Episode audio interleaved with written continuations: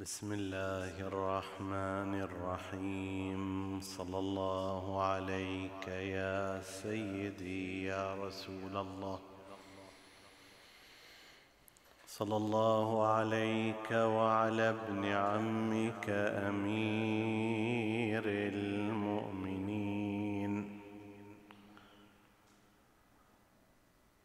وعلى أهل بيتك الطيبين الطاهرين. صلى الله عليك يا سيدي يا أبا عبد الله الحسين. ما خاب من تمسك بكم وامن من لجأ إليكم. يا ليتنا كنا معكم فنفوز فوزا عظيما. قال سيدنا ومولانا رسول الله صلى الله عليه وآله. ما بال أقوام إذا ذكر آل إبراهيم؟ فرحوا واستبشروا وإذا ذكر آل محمد اشمأزت قلوبهم والذي نفسي بيده لو أن عبدا أتى بعمل سبعين نبيا ثم لم يأتي بولايتي وولاية أهل بيتي لم يقبل منه. صدق سيدنا ومولانا سيد الأنبياء المصطفى محمد.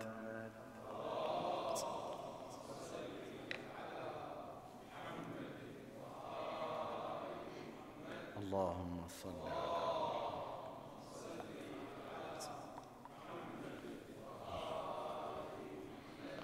اللهم صل على محمد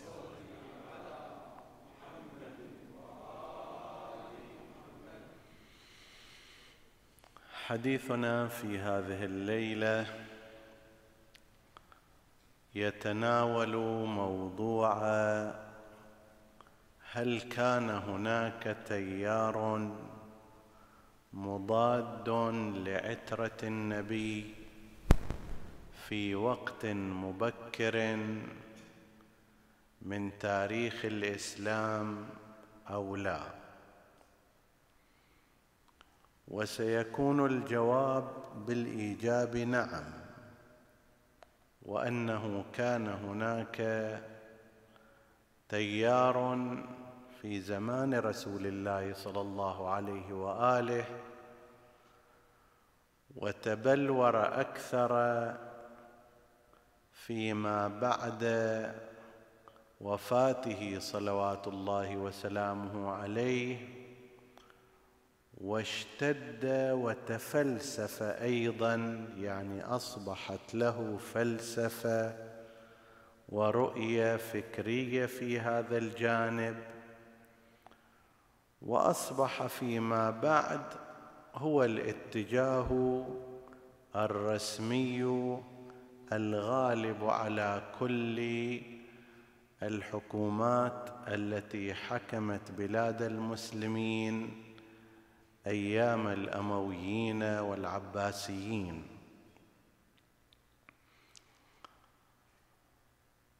هذا الحديث الذي نقلناه والذي يروى عن زين العابدين عليه السلام عن آبائه عن رسول الله صلى الله عليه وآله فيه إشارة صريحة إلى هذا المعنى. ما بال أقوام يقول رسول الله إذا ذكر آل إبراهيم فرحوا واستبشروا. وإذا ذكر آل محمد اشمأزت نفوسهم. هذه الطريقة من رسول الله وهي طريقة ما بال أقوام تشير إلى ظواهر اجتماعية كانت موجودة في زمان رسول الله صلى الله عليه وآله ولا يرى النبي مصلحة في كشف أسمائها لاحتمالات حدوث فتنة من جهة ومن جهة أخرى لأنه ليست العيب في الاسم فقط وإنما هو في الممارسة.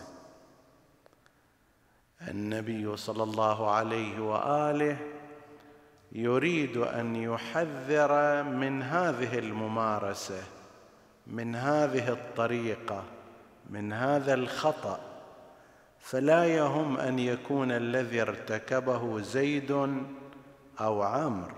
المهم هذه الممارسة والفعل تكون مدانة ومقبحة ومستبشعة من رسول الله صلى الله عليه وآله. فيشير إلى هذه المفارقة ما بال أقوام إذا ذكر آل إبراهيم وهم ذرية نبي من الأنبياء. عترة نبي من الأنبياء آل نبي من الأنبياء. تستبشر هذه الأقوام تفرح تستزيد. لكن إذا ذكر آل محمد وهو سيد الأنبياء وهذه عترته وفيهم سادة الأوصياء.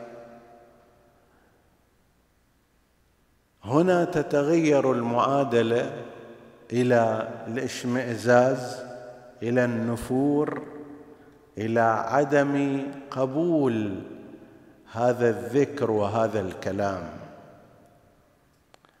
فهذا من الأحاديث التي تشير إلى وجود جماعة أقوام فئات من المسلمين وإلا من الكفار مثلا ليس الكلام حول الكفار. الكفار بالنسبة لهم الحديث عن محمد وعن التوحيد وعن كل شيء يشمئزون منه وإنما الكلام في داخل مجتمع المسلمين والحديث في أيام المدينة المنورة.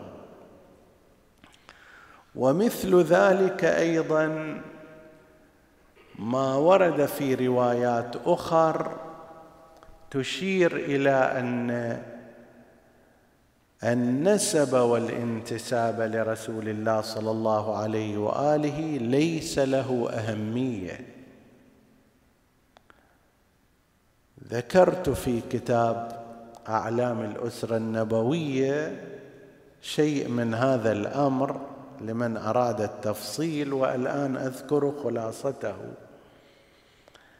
أن بعض المسلمين كانوا يشيعون هذه الفكرة. أن رسول الله هو شيء منفصل تماما عن بيئته. حتى أن أحد هؤلاء كان يقول مثل محمد وبني هاشم كالريحانة في النتن نعوذ بالله. يعني هو النبي شيء ممتاز وذو رائحة عطرة ولكن بنو هاشم لا ليسوا كذلك. أو شخص آخر عندما رأى صفية بنت عبد المطلب عمه النبي صلى الله عليه وآله.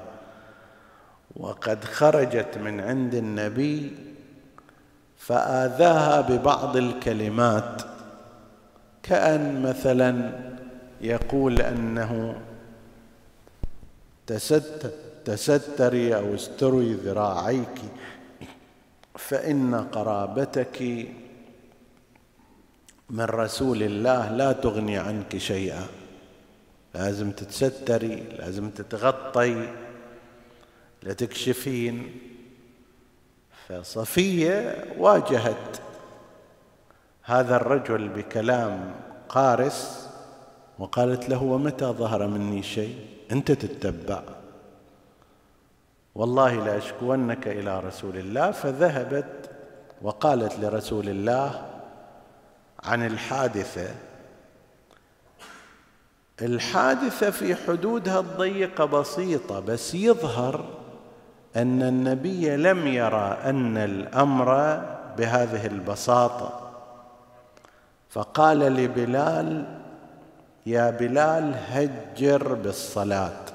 ارفع صوتك وقل الصلاة جامعة دعوة. المسلمون ينبغي أن يحضروا في المسجد. فهجر بلال بالصلاة. فجاء رسول الله صلى الله عليه وآله وقال ما بال أقوام يزعمون أن قرابتي لا تنفع والله والذي نفسي بيده كل سبب ونسب منقطع يوم القيامة إلا سببي ونسبي وإن قرابتي لتنفع في الدنيا والآخرة.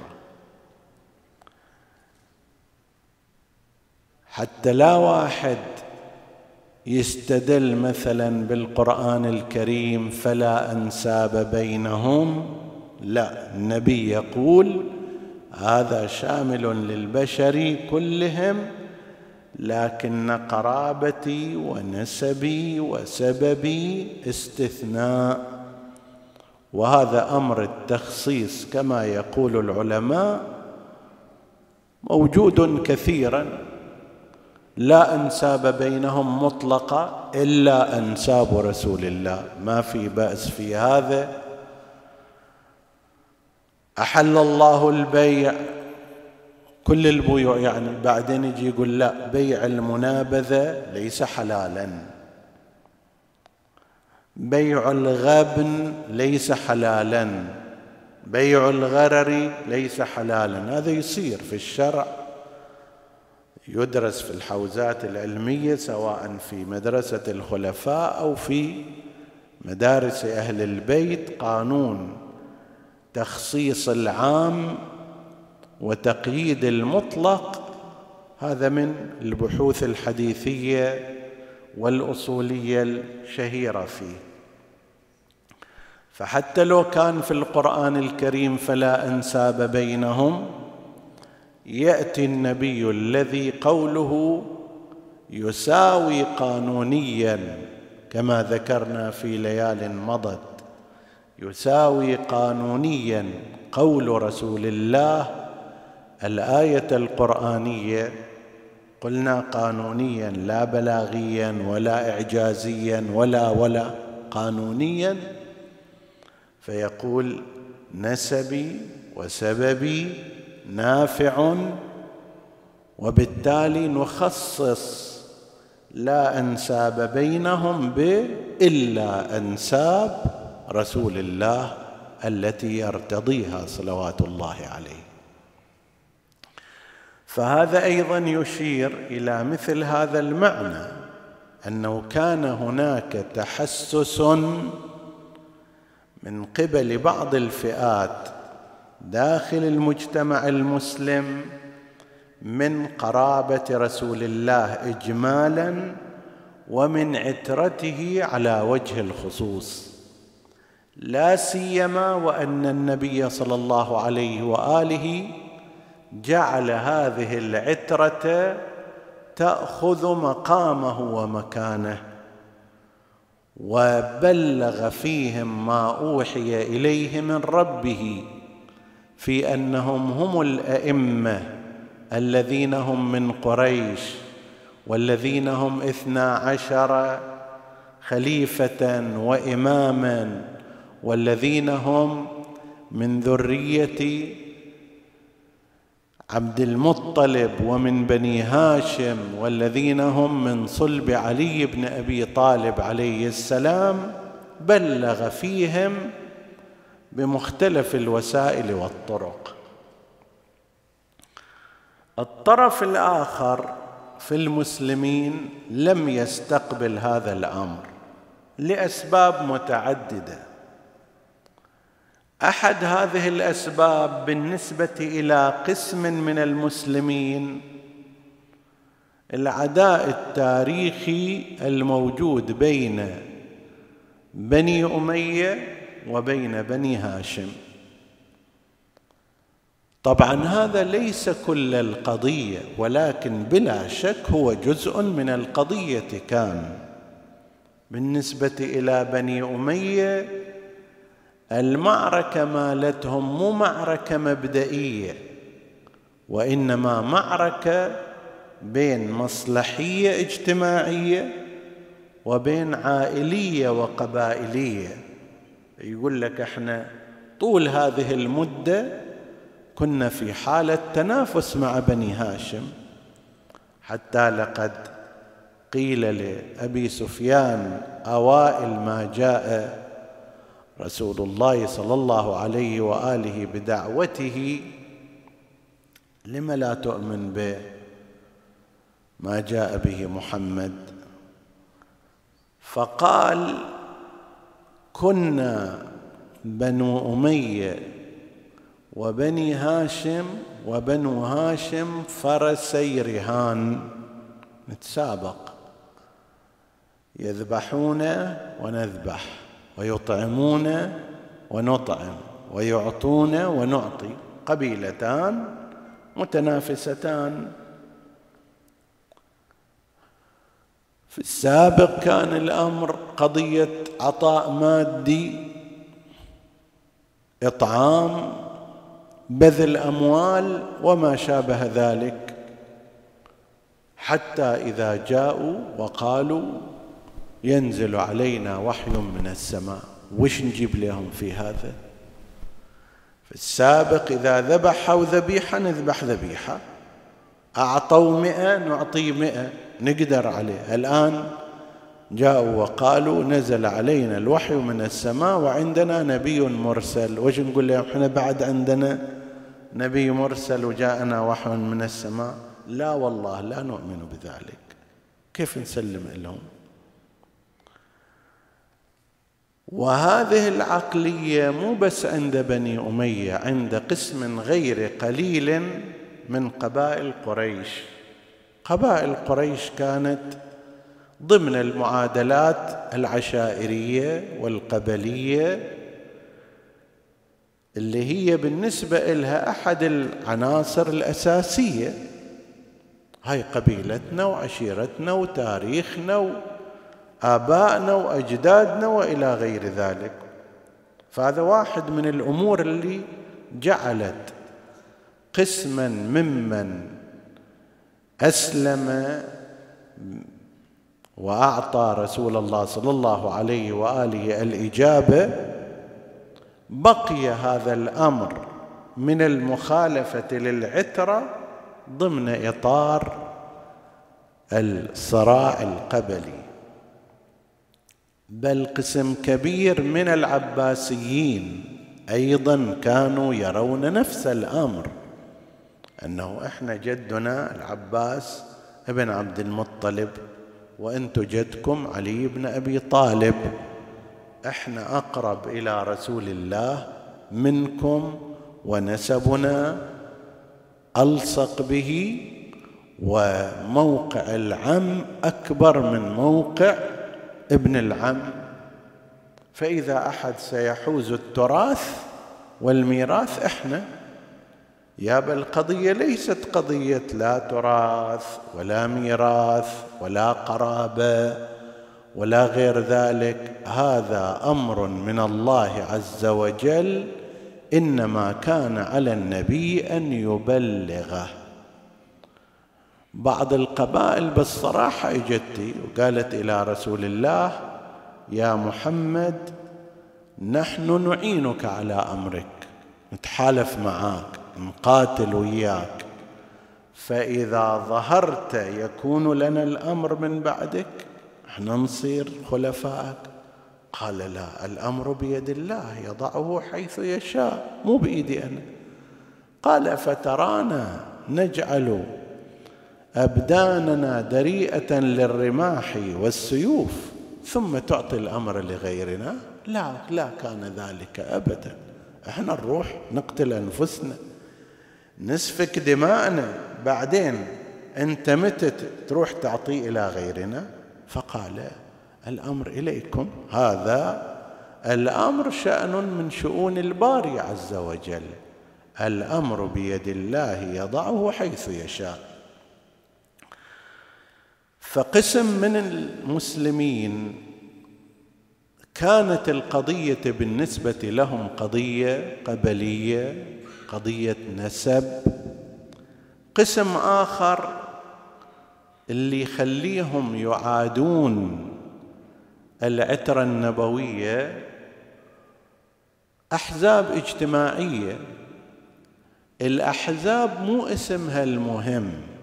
قد يكون مثلا في بلد اسم حزب حرام وممنوع رسميا ولكن من الناحية الواقعية أكو هناك تكتلات وتجمعات يجمعها إطار معين مصلحة معينة فكرة معينة قيادة معينة.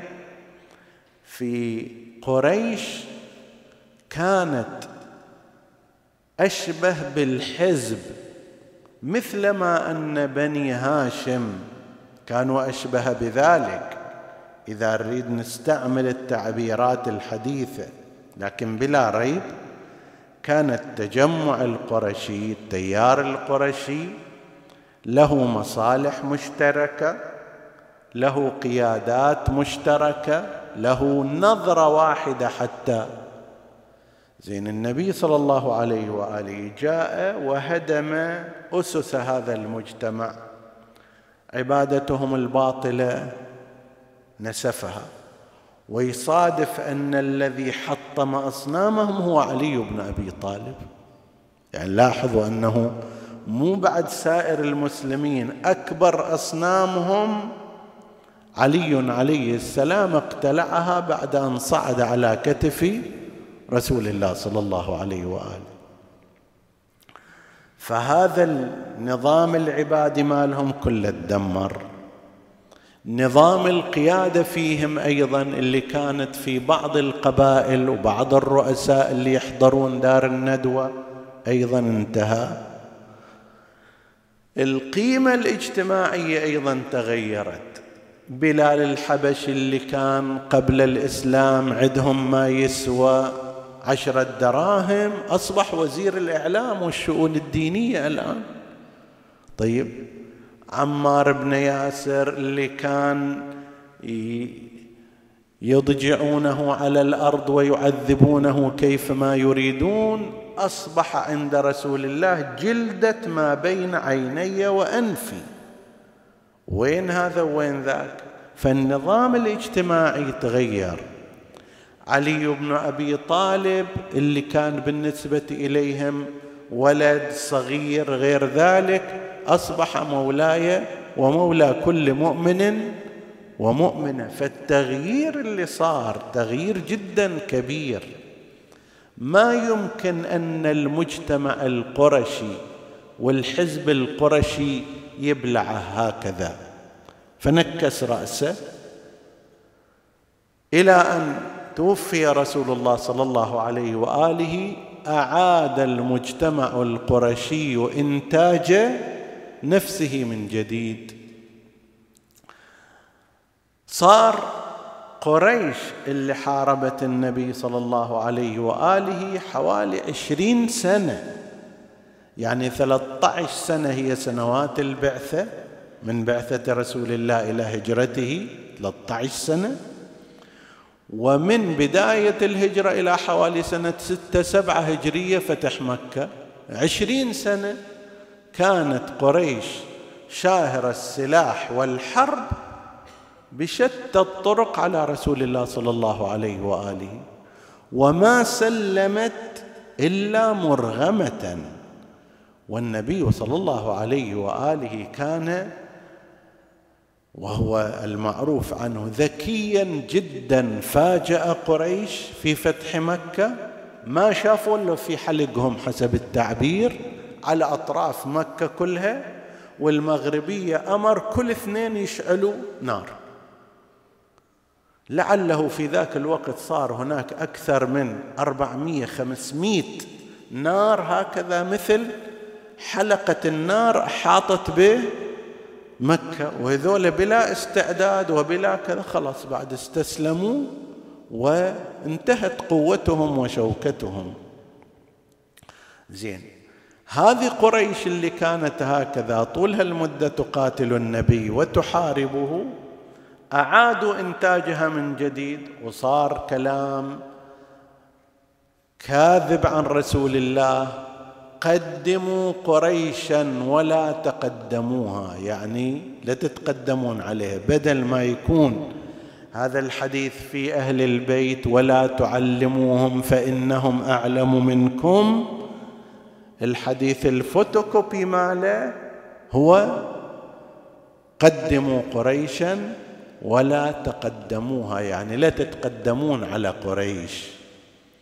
بدل ما صار عترتي أهل بيتي الثقلين كتاب الله وعترتي أهل بيتي وهما الطريق السليم. صار عنوان جديد النجاة فيما أنا عليه وأصحابي.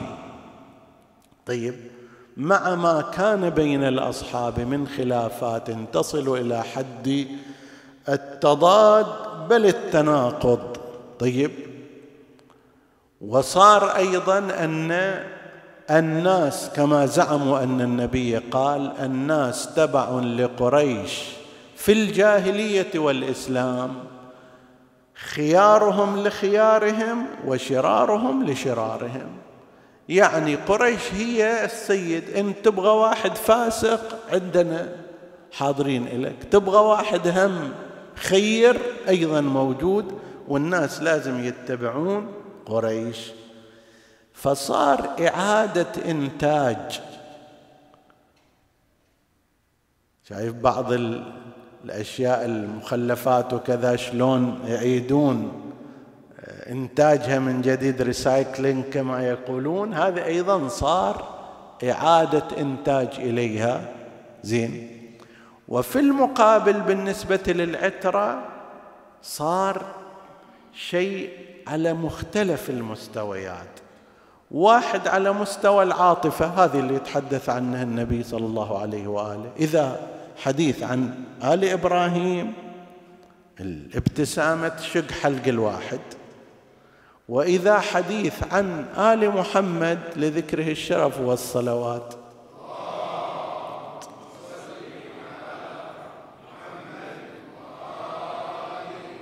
اشمأزت قلوبهم في بعض الروايات.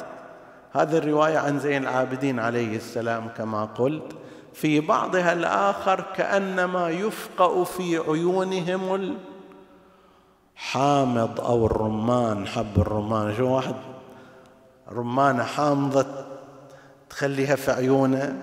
كذلك إذا زين معنى ذلك على مستوى المشاعر على مستوى العاطفة والإحساس بدل ما أن الناس يلتزمون بما جاء به رسول الله صلى الله عليه وآله من أن الصلاة لا تكتمل عليه إلا بالصلاة على آله والصلاة الإبراهيمية المعروفة اللهم صل على محمد وآل محمد وبارك على محمد وآل محمد وسلم على محمد وآل محمد وتحنن على محمد وآل محمد كما صليت وباركت وترحمت وتحننت على إبراهيم وآل إبراهيم. بدل هذه صار الأمر بهذه الطريقة وصار البعض يأتي ويقول أنه محمد بين بني هاشم كالريحانة في النتن أو في التبن.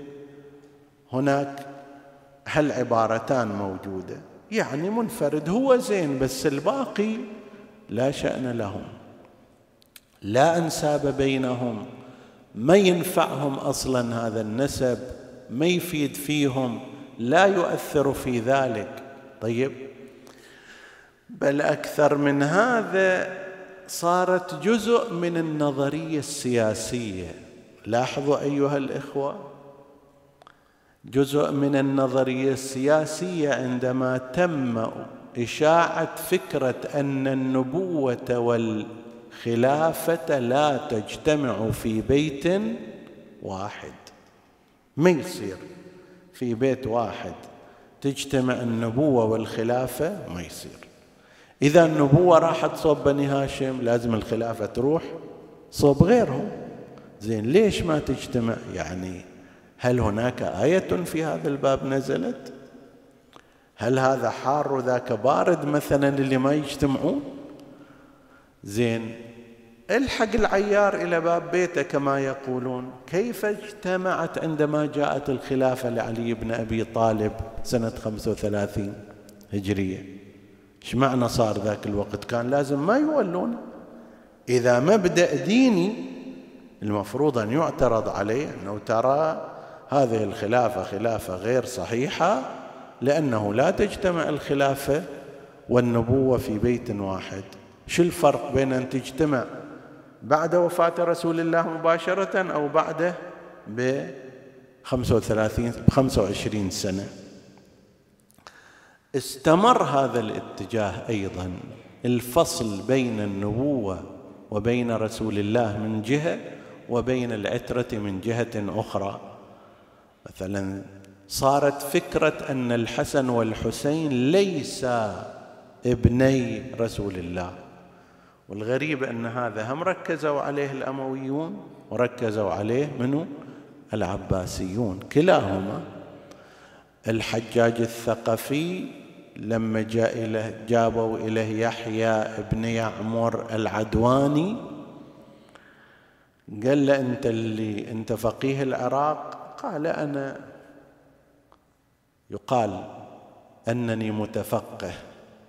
قال له فمن فقهك أنك تزعم أن الحسن والحسين ابنا رسول الله؟ قال بلى. قال وما دليلك على ذلك؟ ولا تقل لي وأنفسنا وأنفسكم.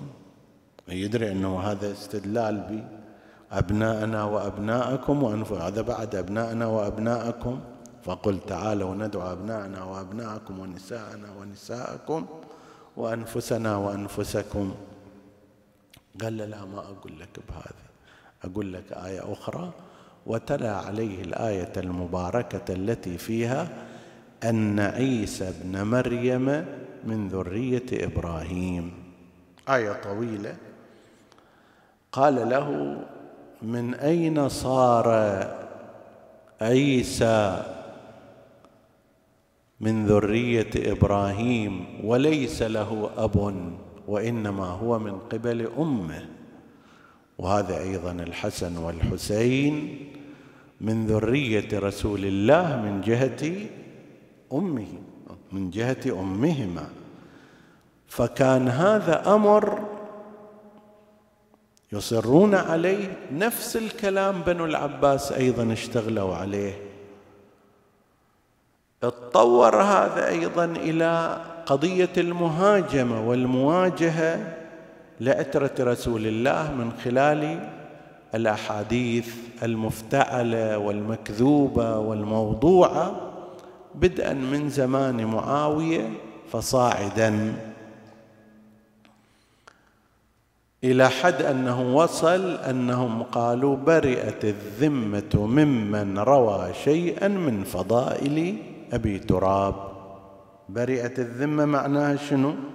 يعني هذا الإنسان اللي يروي شيئا من فضائل أمير المؤمنين عليه السلام يجرد من كل حقوقه المدنية ووثائقه الشخصية ويحذف ملف ماله. الآن تصور واحد في المجتمع الحديث يقال له أنت أسقطت جنسيتك وبطاقتك الشخصية وجوازك ملف ما إلك أصلا في هذا البلد أنت. أي مكان ما تقدر تثبت شيء عن نفسك. وخصوصا في تلك الأزمنة اللي كان فيها الدولة توزع الخراج على الناس جزء من معيشة الناس بسبب الخراج. فإذا هذا أسقطت كل حقوقه المدنية معنى ذلك أنه يبقى فقيرا من هذه الجهة. ليش؟ إذا يروي من فضائل أبي تراب. وعقب على ذلك بأنه من اتهمتموه بموالاة هؤلاء القوم فاهدموا داره واقطعوا عطاءه ورزقه وامحوا اسمه من الديوان. كل هذا في اتجاه ماذا؟ اتجاه تأكيد وتعزيز التيار المضاد لعترة رسول الله صلى الله عليه وآله. واستمر هذا كمنهج رسمي للحكومات الأموية والعباسية. هنا يقولوا برئت الذمة ويقولوا هدموا دارة. المتوكل العباسي يطبقه عمليا. غير سالفة هدم قبر الحسين عليه السلام وغير إشاعة النصب المتوكل العباسي أشاع النصب واللعن والبغض لأمير المؤمنين عليه السلام علانية. الباقي كانوا يسوونها يعني هارون كان يسويها. المنصور أسوأ كان. بس مو بشكل علني لكل الناس. هذا لا ما كان يتحرج من أي شيء. المتوكل ويعاقب على من يقوم بنشر بعض الفضائل. ربما نقلنا هذه القصة عن علي بن أبي نصر الجهضمي محدث من المحدثين روى هذا الحديث في زمان المتوكل العباسي أن نبينا المصطفى محمدا.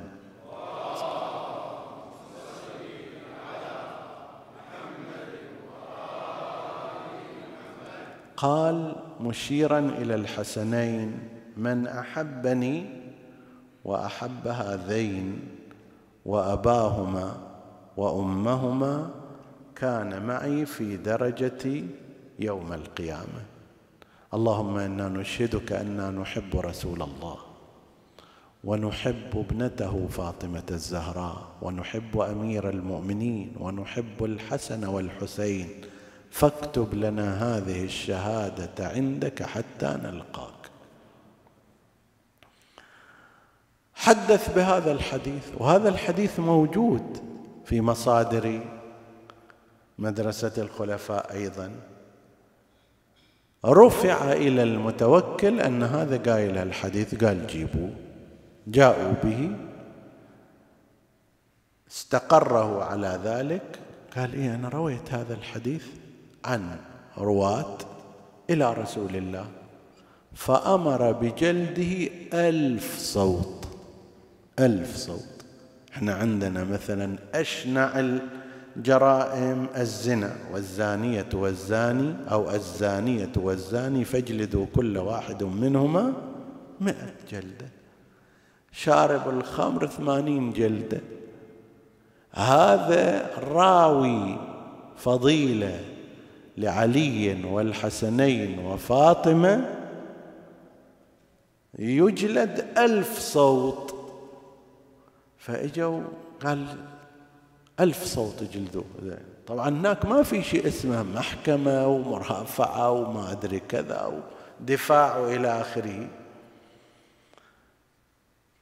فأرادوا أن ينفذوا الحكم في جماعة إجوا إلى المتوكل قالوا له وهذا حقيقة المتوكل مجمع التناقضات في بعض تعابير المؤرخين عنا نستحي نقولها فوق المنبر بلاها. فبذاك التعبير اللي عند عندهم عنه وفي نفس الوقت يصير محيي السنة يستشكل على واحد إذا راح يزور الحسين.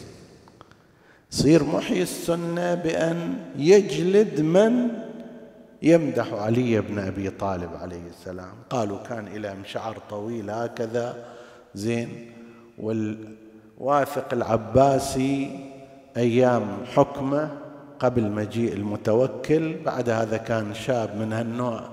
طيب ففرض عليه جماعة يراقبون لا يروح منا ومناك. جماعة إجوا أرادوا أن يتشفعون إليه قال لهم جيبوا جابوا شاف شعره إلى هنا وجهه وشكله وما أدري كذا فأمر أن يقص بهذا مال الغنم حاشاكم الشسمة وأن يضرب به وجهه. يعني شعر هذا يشيلوه ويضربوه بوجهه ولم يقبل فيه شفاعة.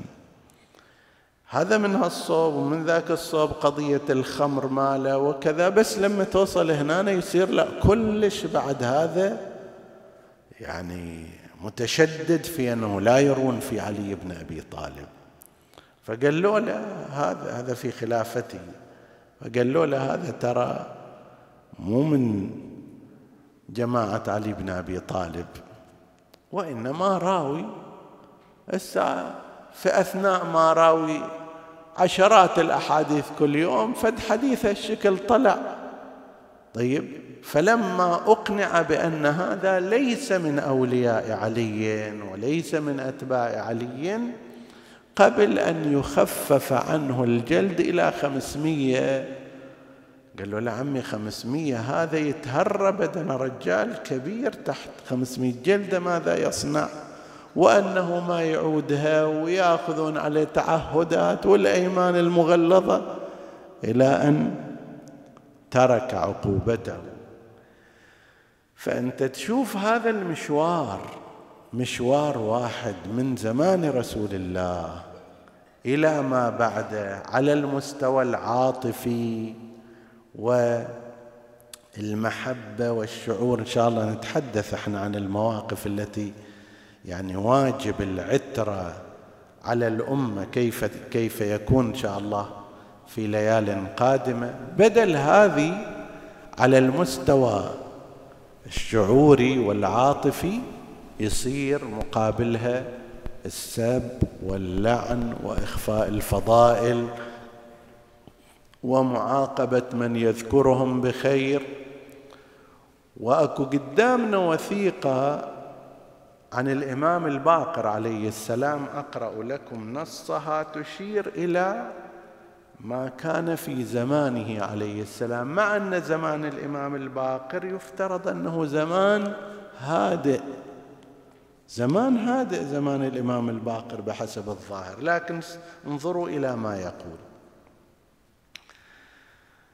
ما لقينا من ظلم قريش إيانا وتظاهرهم علينا إن رسول الله قبض وقد أخبر أنا أولى الناس بالناس في حديث الغدير المعروف.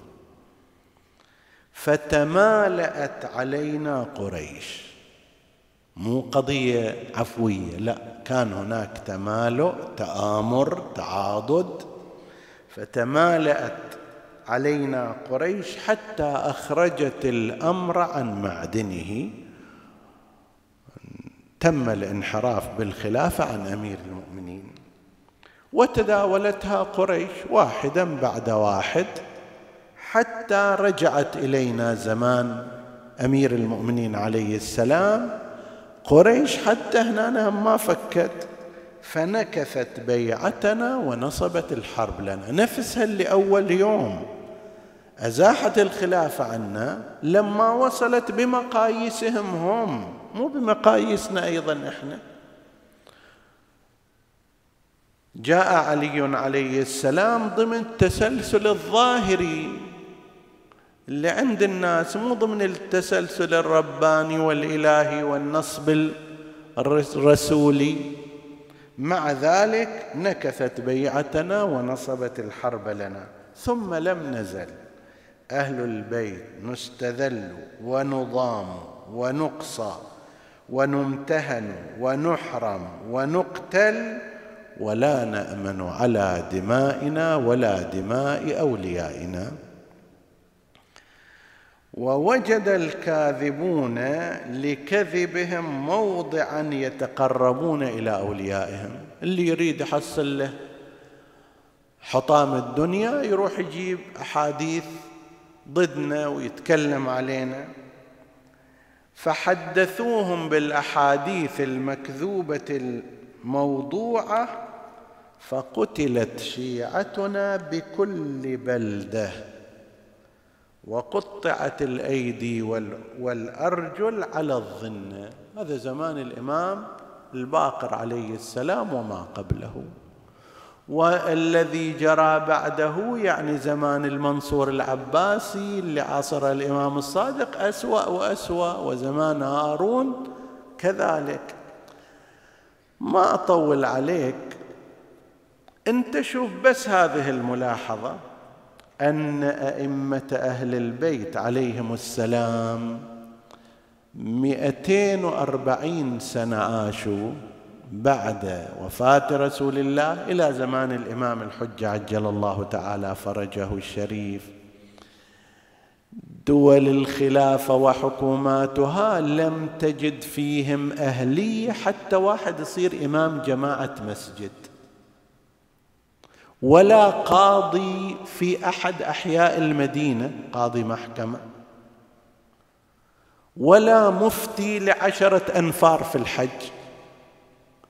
هذا الإمام الصادق اللي هو أستاذ أئمة المذاهب من الناحية الرسمية لا يتعامل معه حتى كطالب علم.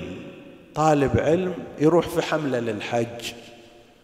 وإمام جماعة في مسجد وهكذا. رسميا أقول لك ما كانوا يرتبون لهم موقعا بهذا المقدار. أما سالفة القاضي الأكبر وقاضي القضاة فهذا بعد من المستحيلات. زين. طيب وين هذه مراتب الدين؟ لنفترض الإمام الصادق والباقر والرضا والجواد و مو أئمة الخلق مو حكام على الناس جميعا. مو أئمة جماعة مو قضاة مو مدرسون للفقه. لا كل هذا من الناحية الرسمية ممنوع. والذي صنعوه صلوات الله عليهم من الشيء العظيم الذي ذكرناه فيما مضى هو كله خارج إطار هذه الحكومات وفي كثير من الأحيان على رغم إرادتها وبمخالفة تلك الحكومات لما كان يعمله الأئمة عليهم السلام. نعم فد حادث في زمان الإمام الرضا عليه السلام اللي صار كما قال الشاعر باءوا بقتل الرضا من بعد بيعته وأبصروا بعض يوم رشدهم فعموا. هذه ملحوظة إذا أنت تخليها في بالك. ملحوظة أخرى. مئتين وأربعين سنة اثنى عشر إمام لا يوجد عندنا إمام تخطى سن ثلاثة وستين.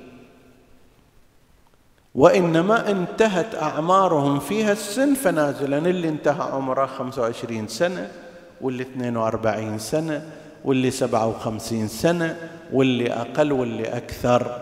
طيب ألا ترى أن هذا شيئا أن هذا شيء غير طبيعي أصلا؟ وأنه يعزز ما ورد عنهم في روايات ما منا إلا مسموم أو مقتول. وهي عدة روايات منها رواية عن الإمام الحسن عليه السلام. قال ما منا إلا مسموم أو مقتول لمن جاءه ورآه يتقيأ على أثر السم. ونفس الكلام نجده في الإمام الرضا عليه السلام يقوله لأبي الصلت الهروي ما منا إلا مقتول شهيد. ولذلك الرأي المشهور عند الإمامية أن أئمة أهل البيت عليهم السلام ذهبوا قتلا على يد ظالميهم وحاكمي هذه الأمة. مو بشكل طبيعي. لعلك تقول طيب بعض الخلفاء هم راحوا وأعمارهم ثلاثين وخمسة وثلاثين سنة فمو فقط هذولا الجواب بالفرق. الفرق أن هؤلاء كلهم لا نجد فيهم شخصا معمرا بينما نجد في ذلك الطرف إلى ما شاء الله. وثانيا بالفرق بأن هذول أئمة أهل البيت عليهم السلام يختلفون عن أولئك الحكام. أولئك الحكام وراء التخمة والمآكل غير الطبيعية وبعضهم شرب الأمور المسكرة وغير ذلك من الأمور. وأئمتنا لم يكونوا هكذا. وبعضهم كما قلت في سن الخمسه وعشرين كالإمام الجواد عليه السلام أو 42 سنة وما كانوا يشكون من أمراض. فهذه أيضا كأنما هي علامة فارقة وإشارة واضحة إلى هذا المعنى أن هذه الأمة وقفت في وجه العترة الطاهرة إلا من ارتضاهم الله لولايتهم. جعلكم الله وإيانا ومن يسمع من هذا الجمع الذي يسلم لهم بالولاية والمحبة والاتباع وإلا غير هؤلاء. يخاطبهم الشاعر ما ذنب أهل البيت حتى منهم أخلوا ربوعه؟ إيش معنى المدينة المنورة؟ ما ضمت أجداث أهل البيت عليهم السلام وإنما تفرقوا. بعضهم في سامراء بعضهم في بغداد بعضهم في كربلاء بعضهم في خراسان. ما ذنب أهل البيت حتى منهم أخلوا ربوعه تركوهم شتى مصائبهم وأجمعها فظيعه فمغيب يا صاحب العصر والزمان عجل الله لك تعالى الفرج يا سيدي. فمغيب كالبدر تنتظر الورى شوقا طلوعا ومصفدون يا باب الحوائج يا موسى بن جعفر. ومصفدون لله سلم أمر ما قاسى جميعا ومضرج بالسيف يا أبا عبد الله ومضرج بالسيف آثر عزه وأبى خضوعا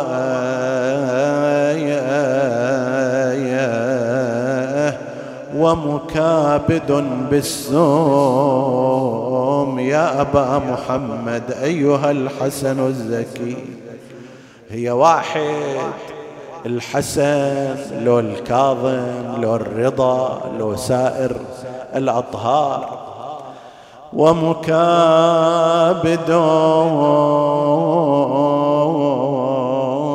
بالسم قد سقيت حشاشته نقيعا إمامنا الرضا صلوات الله وسلامه عليه يخاطب أبا الصلت الهروي. يا أبا الصلت ما منا إلا مقتول شهيد وأنا يقتلني المأمون بالسوم ما مرت إلا أيام وإذا بإمامنا يدس له ذلك السم النقي ويخرج الناس وراء جنازته واصبح الطوس بزلازل والخلق كلها بعوي. لاجل أبو محمد تزلزل يا خلق عرش الجليل. والأعلام السود منشورة ومدامعهم تسيل. تزت السبع العلية وبالأرض صار انقلاب. قام أبو جعفر يغسله والدمع منه همايه مدد على المغتسل والماء يجاه من السماء. بالطفوف حسين جدة تغسل بفيض الدماء. والجفن سافي يشيعا عريان مسلوب الثياب. ما غسلوه ولا لفوه في كفن. نسألك اللهم وندعوك باسمك العظيم الأعظم. الأعز الأجل الأكرم يا الله اغفر لنا ذنوبنا كفر عنا سيئاتنا آمنا في أوطاننا. لا تسلط علينا من لا يخافك ولا يرحمنا ولا تفرق بيننا وبين محمد وآله طرفة عين. فض اللهم إخواني السامعين فردا فردا واقض حوائجهم. تقبل اللهم عمل المؤسسين بأحسن القبول إلى أرواح موتاهم وموت السامعين. نهدي ثواب الفاتحة تسبقها الصلوات.